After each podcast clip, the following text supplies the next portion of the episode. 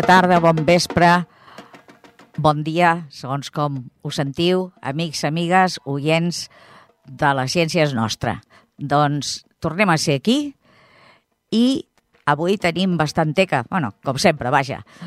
Comencem per les notícies. La primera és interessant, inquietant, fins i tot. Han creat un primer ordinador que processa informació amb neurones vives. Té la marinera. Bé, ara, ara va l'explicació. Han agafat eh, neurones de ratolí, les han cultivat amb una placa i llavors es veu que la gràcia de, de la qüestió és que aquestes neurones les han cultivat amb uns electrodes eh, ficats també al líquid de, de cultiu i amb unes... amb llum. Amb, de manera que eh, amb, els han fet com si diguéssim un, un aprenentatge a mi que m'expliquin no veig gaire clar això de l'aprenentatge, però, bé, però diu que sí. I llavors aquestes cèl·lules, eh, un cop ja crescudes i, i ensinistrades, hm? bé, doncs eh, poden reconèixer patrons de llum i electricitat. Bé, doncs és una publicació amb una revista d'aquestes de importants, de prestigi, per tant, és de suposar que sí que, que la notícia és certa. Mm, bé, eh, això obre el camp a moltíssimes aplicacions. Ara, eh, no sé, a mi és que em fa pensar una mica amb el Robocop i, i aquestes coses i m'esgarrifa una mica, no? Mentre siguin cèl·lules de, de ratolí, però com se'ls acudeixi de començar a jugar amb neurones de, de persones. bueno, en fi, no fem, no fem ciència-ficció. Eh, el cas és que és una cosa nova, és molt interessant i bé, doncs quedem a la guai de veure com es va desenvolupant això. Una altra, aquesta no és tan així tan tan esgarrifosa. Bé, eh, és un científic anglès eh, que ha desenvolupat un sistema per llegir eh, documents que estan tots eh, cremats i no es poden desenrotllar. Sabeu aquests, eh, aquests eh, pergamins o papirs antics eh, que més molts d'ells, doncs això, eh, han estat cremats, s'ha cremat la biblioteca, llavors estan enrotllats i això no hi ha manera humana de poder-ho aplanar. Doncs aquesta, aquest científic ha desenvolupat un programa eh, comptant amb intel·ligència artificial que li permet mm, diguem, endevinar eh, anar tantejant quines paraules hi pot haver a cada, eh, a cada superfície, de, a cada nivell de profunditat del rotlle, que, que no es pot tocar. Bé, eh, això ens pot permetre llegir documents que fins ara eren inaccessibles i també doncs, ens permetrà conèixer molt millor la cultura antiga ja veieu que la ciència de vegades eh, té aplicacions a camps que no ens pensem. Doncs això també és un tema molt interessant. Un altre. Eh, als Estats Units s'ha aprovat la comercialització de pollastre cultivat a laboratori. Eh, n'hem sentit a parlar ja unes quantes vegades, Sembla que amb la carn de pollastre és, deu ser més fàcil que amb la de vedella o, o d'altres. I, doncs, això, eh, agafen cèl·lules de pollastre, les cultiven i amb això, doncs, eh, obtenen una carn, un, un múscul, i això, segons els fabricants, doncs té un gust molt similar al pollastre normal. Bé, eh, doncs això si s'arriba a comercialitzar i, i es posa a la venda i, i a, baixen els preus, és una cosa raonable, doncs cap problema pels vegans, eh, tothom podrà menjar carn, i bé, eh, probablement sigui un dels futurs de l'alimentació, perquè ja sabeu tot el problema que hi ha de, de criar de la ramaderia. Doncs potser sigui una, una possible solució.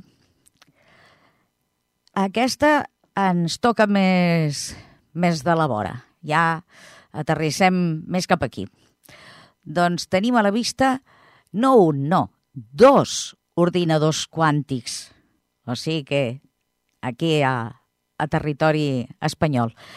Un d'ells, que sembla que és el que està més avançat perquè ja s'està instal·lant i es preveu que estarà, estarà en marxa per l'any vinent, eh, s'instal·larà a Barcelona, al Barcelona Supercomputing Center, el centre de supercomputació de Barcelona, i eh, estarà integrat amb aquell que tenen ja, que es diu Mare Nostrum, doncs aquesta nova versió serà el Mare Nostrum 5, versió 5, cada vegada més potent, i bé, doncs, eh, aplicacions gairebé infinites per 50.000 coses. Eh, penseu que els ordinadors quàntics doncs, estan, estan fent coses que els normals simplement és que no poden fer, ni, ni amb el, tot el temps del món uh, hores i hores. És, és un altre salt, eh, vaja, és, és, un altre, és un altre món. I després hi ha un altre que està previst que s'instal·li a Sant Sebastián, en el Centro de Computació Quàntica, que aquest està previst que sigui fins i tot més potent que el de Barcelona, però aquest va per una mica més llarg. Eh, diuen que estarà acabat per finals del 24 i operatiu per, pel 25, 2025. Doncs seguint a Barcelona, o Rodalies, l'Hospital de Bellvitge ha transformat els box de la unitat de cures intensives en sales multisensorials. Eh, què vol dir això? Doncs que sobretot pacients que s'hi passen molt de temps, molts dies, ficats allà eh, amb un box de la UCI, amb tots els sorolls de les màquines, eh, que gairebé no, no es poden llevar, no poden ni veure paisatge ni, ni res, doncs això crea a, a la llarga problemes. I també un dèficit de, mm, una dificultat afegida perquè aquestes persones es puguin recuperar. I bé, doncs, amb aquest sistema eh, es pot convertir el box en un bosc, amb el mar, amb una nau, amb un ambient nocturn, el que, el que vulguis. O fins i tot visualitzar fotografies personals dels pacients, de viatges, de records, i tot això doncs, els permet generar experiències eh, positives i tot això contribueix a, a la cura d'aquestes persones més ràpida i més, més bona, no? Per tant, és una cosa molt, molt interessant. No tot ha de ser altíssima tecnologia quàntica i tot això, ja veieu que hi ha coses més senzilles però molt interessants. I una altra. Aquesta és el toc llaminer.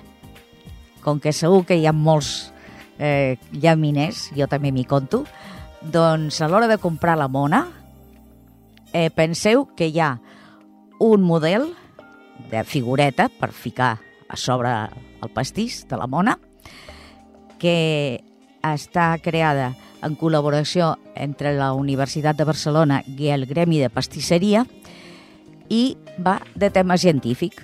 O sigui, és una figureta d'una nena que cada any eh, representarà doncs, un ram de la ciència. Aquest any han començat per la geologia i llavors eh, aquesta figureta té com uns cristalls eh, molt macos darrere i, i tot de coses de, de geòleg i altres anys doncs, serà la química, altres camps.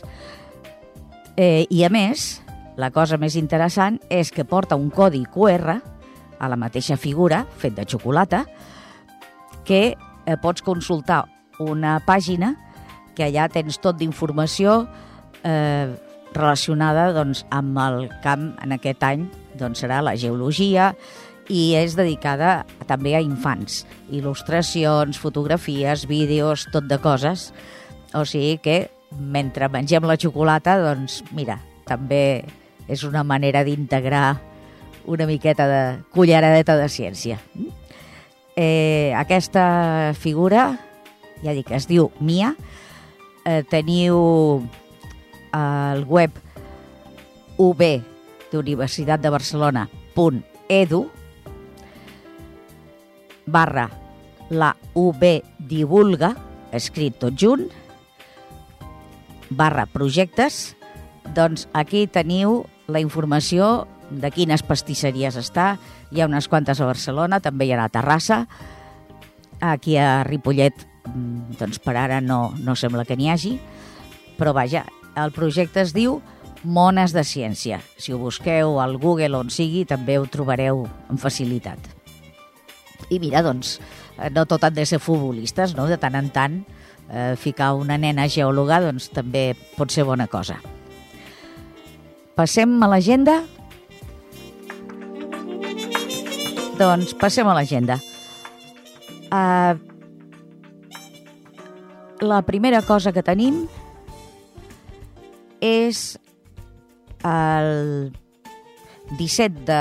bueno, no estan per ordre cronològic, perdoneu, però el 17 d'abril hi ha una xerrada eh, sobre història de la ciència i la tècnica. Eh, és la forja d'una economia industrial eh, 1820 a 2020, èxits i fracassos del desenvolupament econòmic espanyol. Mm? Ja veieu que té relació amb la ciència, també amb la història, amb, amb la indústria. Això és a l'Ateneu barcelonès.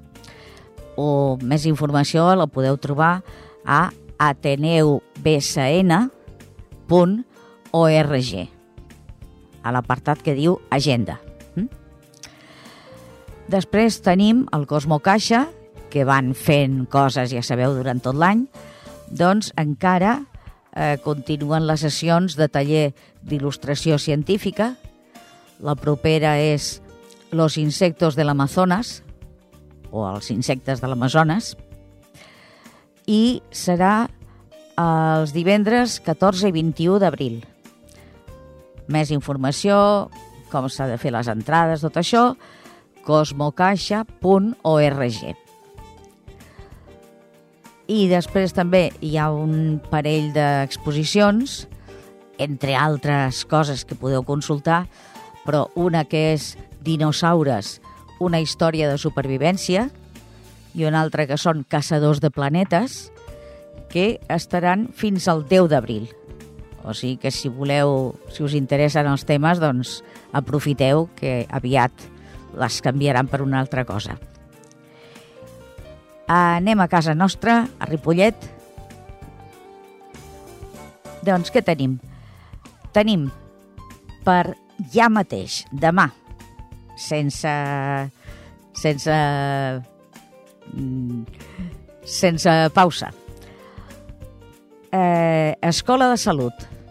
Sabeu que cada mes fan un tema. Doncs aquest mes toca pantalles, desconnectem, aixequem el cap. Bé, n'hem parlat ja de com ens condiciona l'ús sobretot del mòbil, que el tenim sempre a la mà i anem pel carrer i anem mirant el mòbil i estem a casa amb el mòbil a la mà i estem dinant i sopant amb el xisme. I bé, doncs eh, pot arribar a ser un problema. I com ho podem afrontar i com ens podem desenganxar una miqueta d'aquest d'aquest vici, no?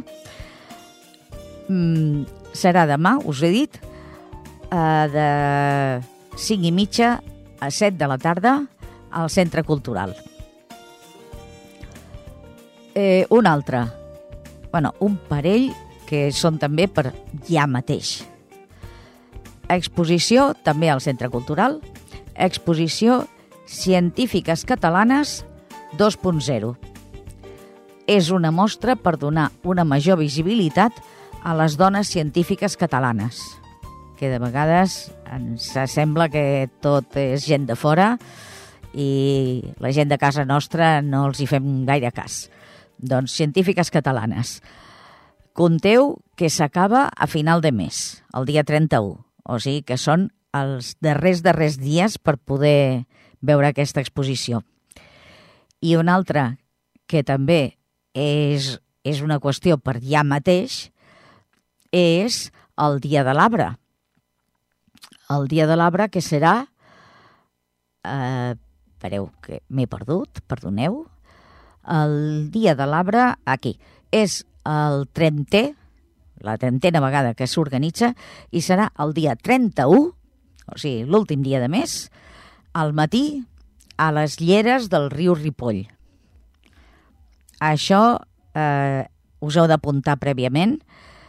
Mm, tota la informació, ja sabeu, centre cultural o... Sí, és el més fàcil, no? O si no, doncs, al web ripollet.cat a l'apartat d'agenda. Un altre que és per una mica més endavant. Això ja és entrat l'abril. L'experiment científic en família, que ja sabeu que s'està fent cada mes una sessió. Doncs aquesta propera serà visible o invisible. Serà dissabte dia 15 de quarts d'onze a 12 al Centre Cultural. També inscripció prèvia, eh, com sempre, doncs, a Centre Cultural. I una altra, aquesta pel mateix dia, però a la tarda. Juga amb la història Josep Maria Brull i l'art del mosaic. Em direu, a veure, escolta, això del mosaic vols dir que té a veure amb la ciència? Jo penso que sí, perquè un mosaic doncs, són matemàtiques. Fer quadrar les peces doncs, eh, mm, té bastant de matemàtica. I en tot cas, doncs, és una exposició que pot ser molt interessant. A les 5 de la tarda, al Molí d'en Rata. Doncs passem ara a l'apartat musical.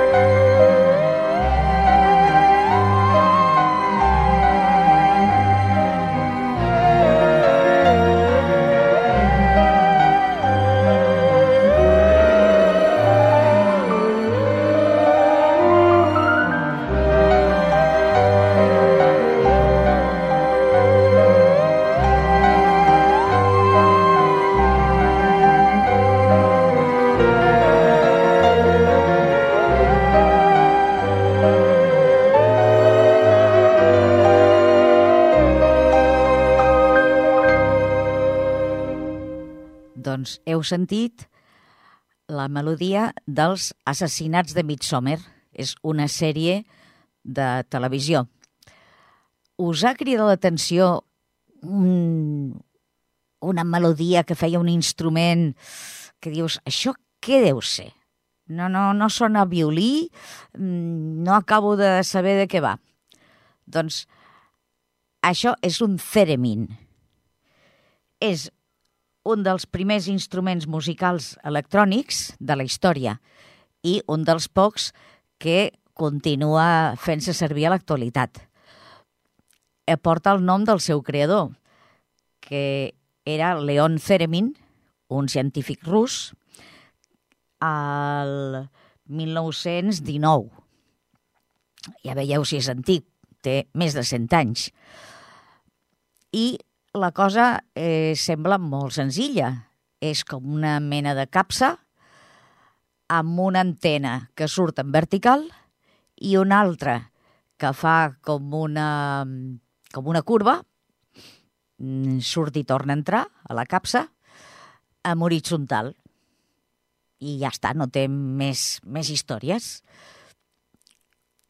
I com es toca? Doncs es toca sense tocar-lo.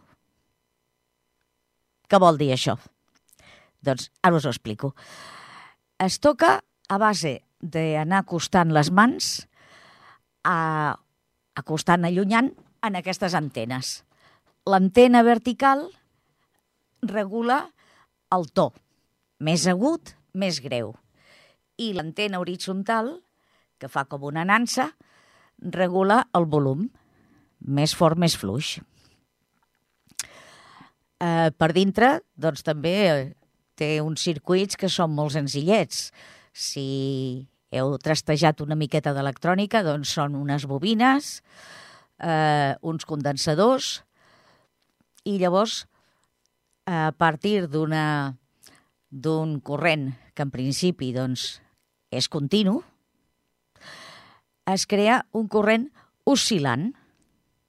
I aquestes oscil·lacions són les que es transformen en so.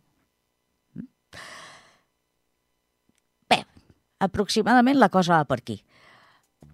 Eh, la gràcia de la, de la història és que el que el toca, o sigui, el que el toca sense tocar-lo, l'intèrpret, és com part de l'instrument. O sigui, eh, és una part del condensador. I llavors, segons com s'acosta o s'allunya, doncs varia les propietats d'aquest condensador i llavors crea una freqüència de so diferent i mm, després d'unes certes manipulacions, tampoc no és que sigui directament això, però bé, és el que dona el que dona mm, produeix el so que sentim. En tot cas, és una cosa molt especial, ja veieu, i ja veieu que eh, no només és una relíquia de l'antiguitat, sinó que es fa servir avui dia doncs, amb, sempre que es vol donar eh, un aire així com de misteri, mm, de... Mm, eh, jo què sé, cosa...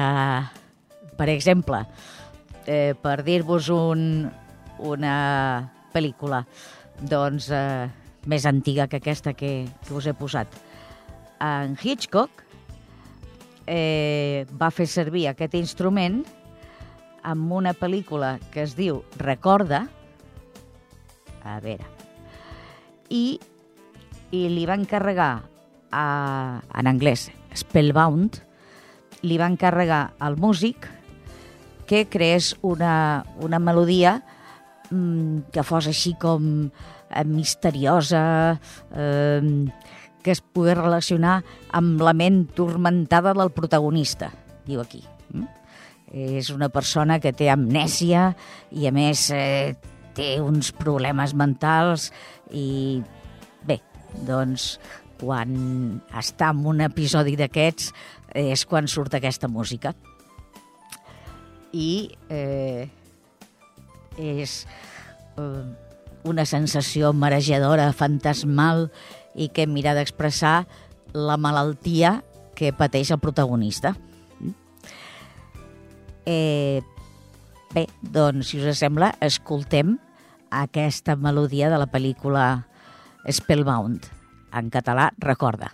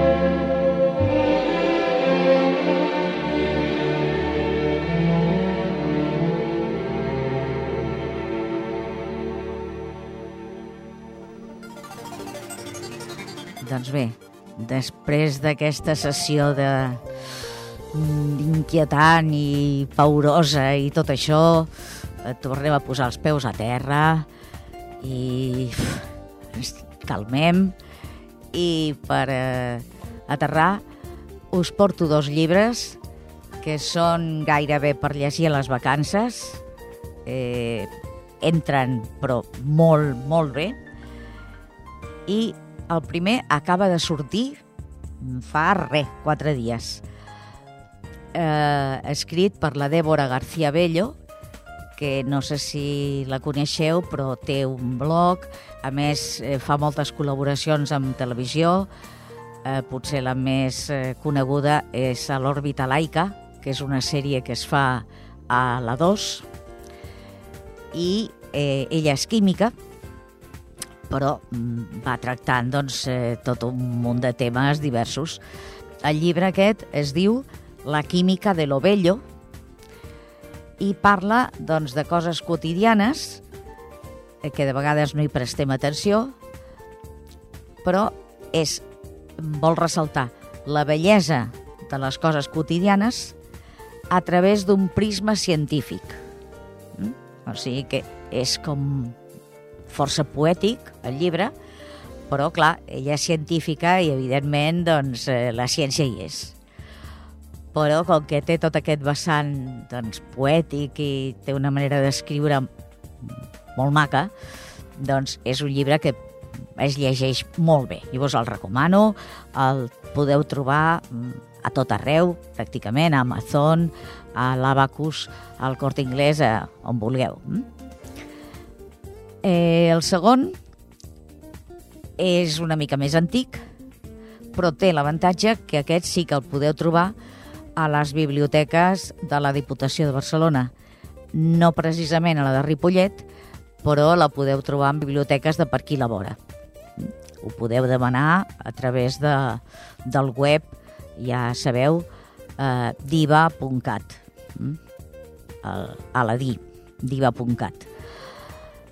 És d'Andrés Gomberov, amb dues cefes, i el títol és Física i berenjenas, la belleza invisible de l'universo. Doncs bé, per què aquest títol? perquè l'Andrés Gomberov diu que de vegades mm, no li traiem el gust eh, això de la ciència, que vindrien a ser les albergínies, però no és culpa de les albergínies, sinó que és culpa de com es presenta el menú. I llavors ell mira de fer un menú que sigui atractiu, que, que ens agradi i presentar la ciència doncs, d'una doncs, manera mm, agradable, atractiva. Eh, bé, aquest llibre és de l'editorial Debate, Barcelona 2017. L'anterior, no ho he dit, perdoneu, és de l'editorial Paidós, 2023, he dit que ha acabat de sortir. Tots dos mm, es llegeixen molt bé, molt bé, mm, aptes per vacances i aptes, jo crec que gairebé per tots els públics, o sigui que recomanadíssims. I bé, doncs, abans d'acomiadar-nos, proposem, com sempre, un experiment senzillet, senzillet, per fer amb els més petitons i més petitones de la casa. I la cosa és eh, un got amb aigua, fiquem, per exemple, doncs, un, un llapis i mirem l'aigua des de fora, no des de dalt, sinó de, des de fora de, del got, en lateral, i sembla que el llapis estigui, estigui trencat, estigui tort. Ah, caram. Un altre, un altre experiment que, que està molt relacionat amb això, és amb una tassa opaca, millor, doncs posem una monedeta o, o una pedreta, alguna cosa, en el fons. I la posem de tal manera que des d'on estem mirant no la vegem, perquè ens la tapa les parets de la tassa.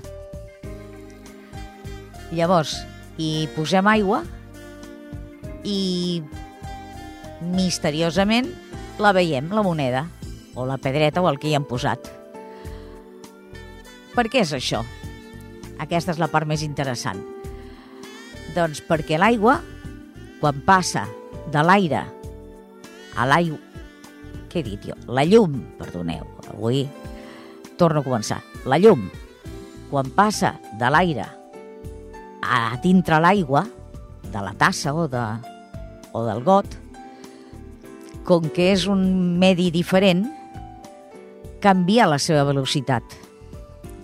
I llavors, això és el que provoca que nosaltres ens sembli que allò està tort o que allò està en una posició diferent de la que té en realitat.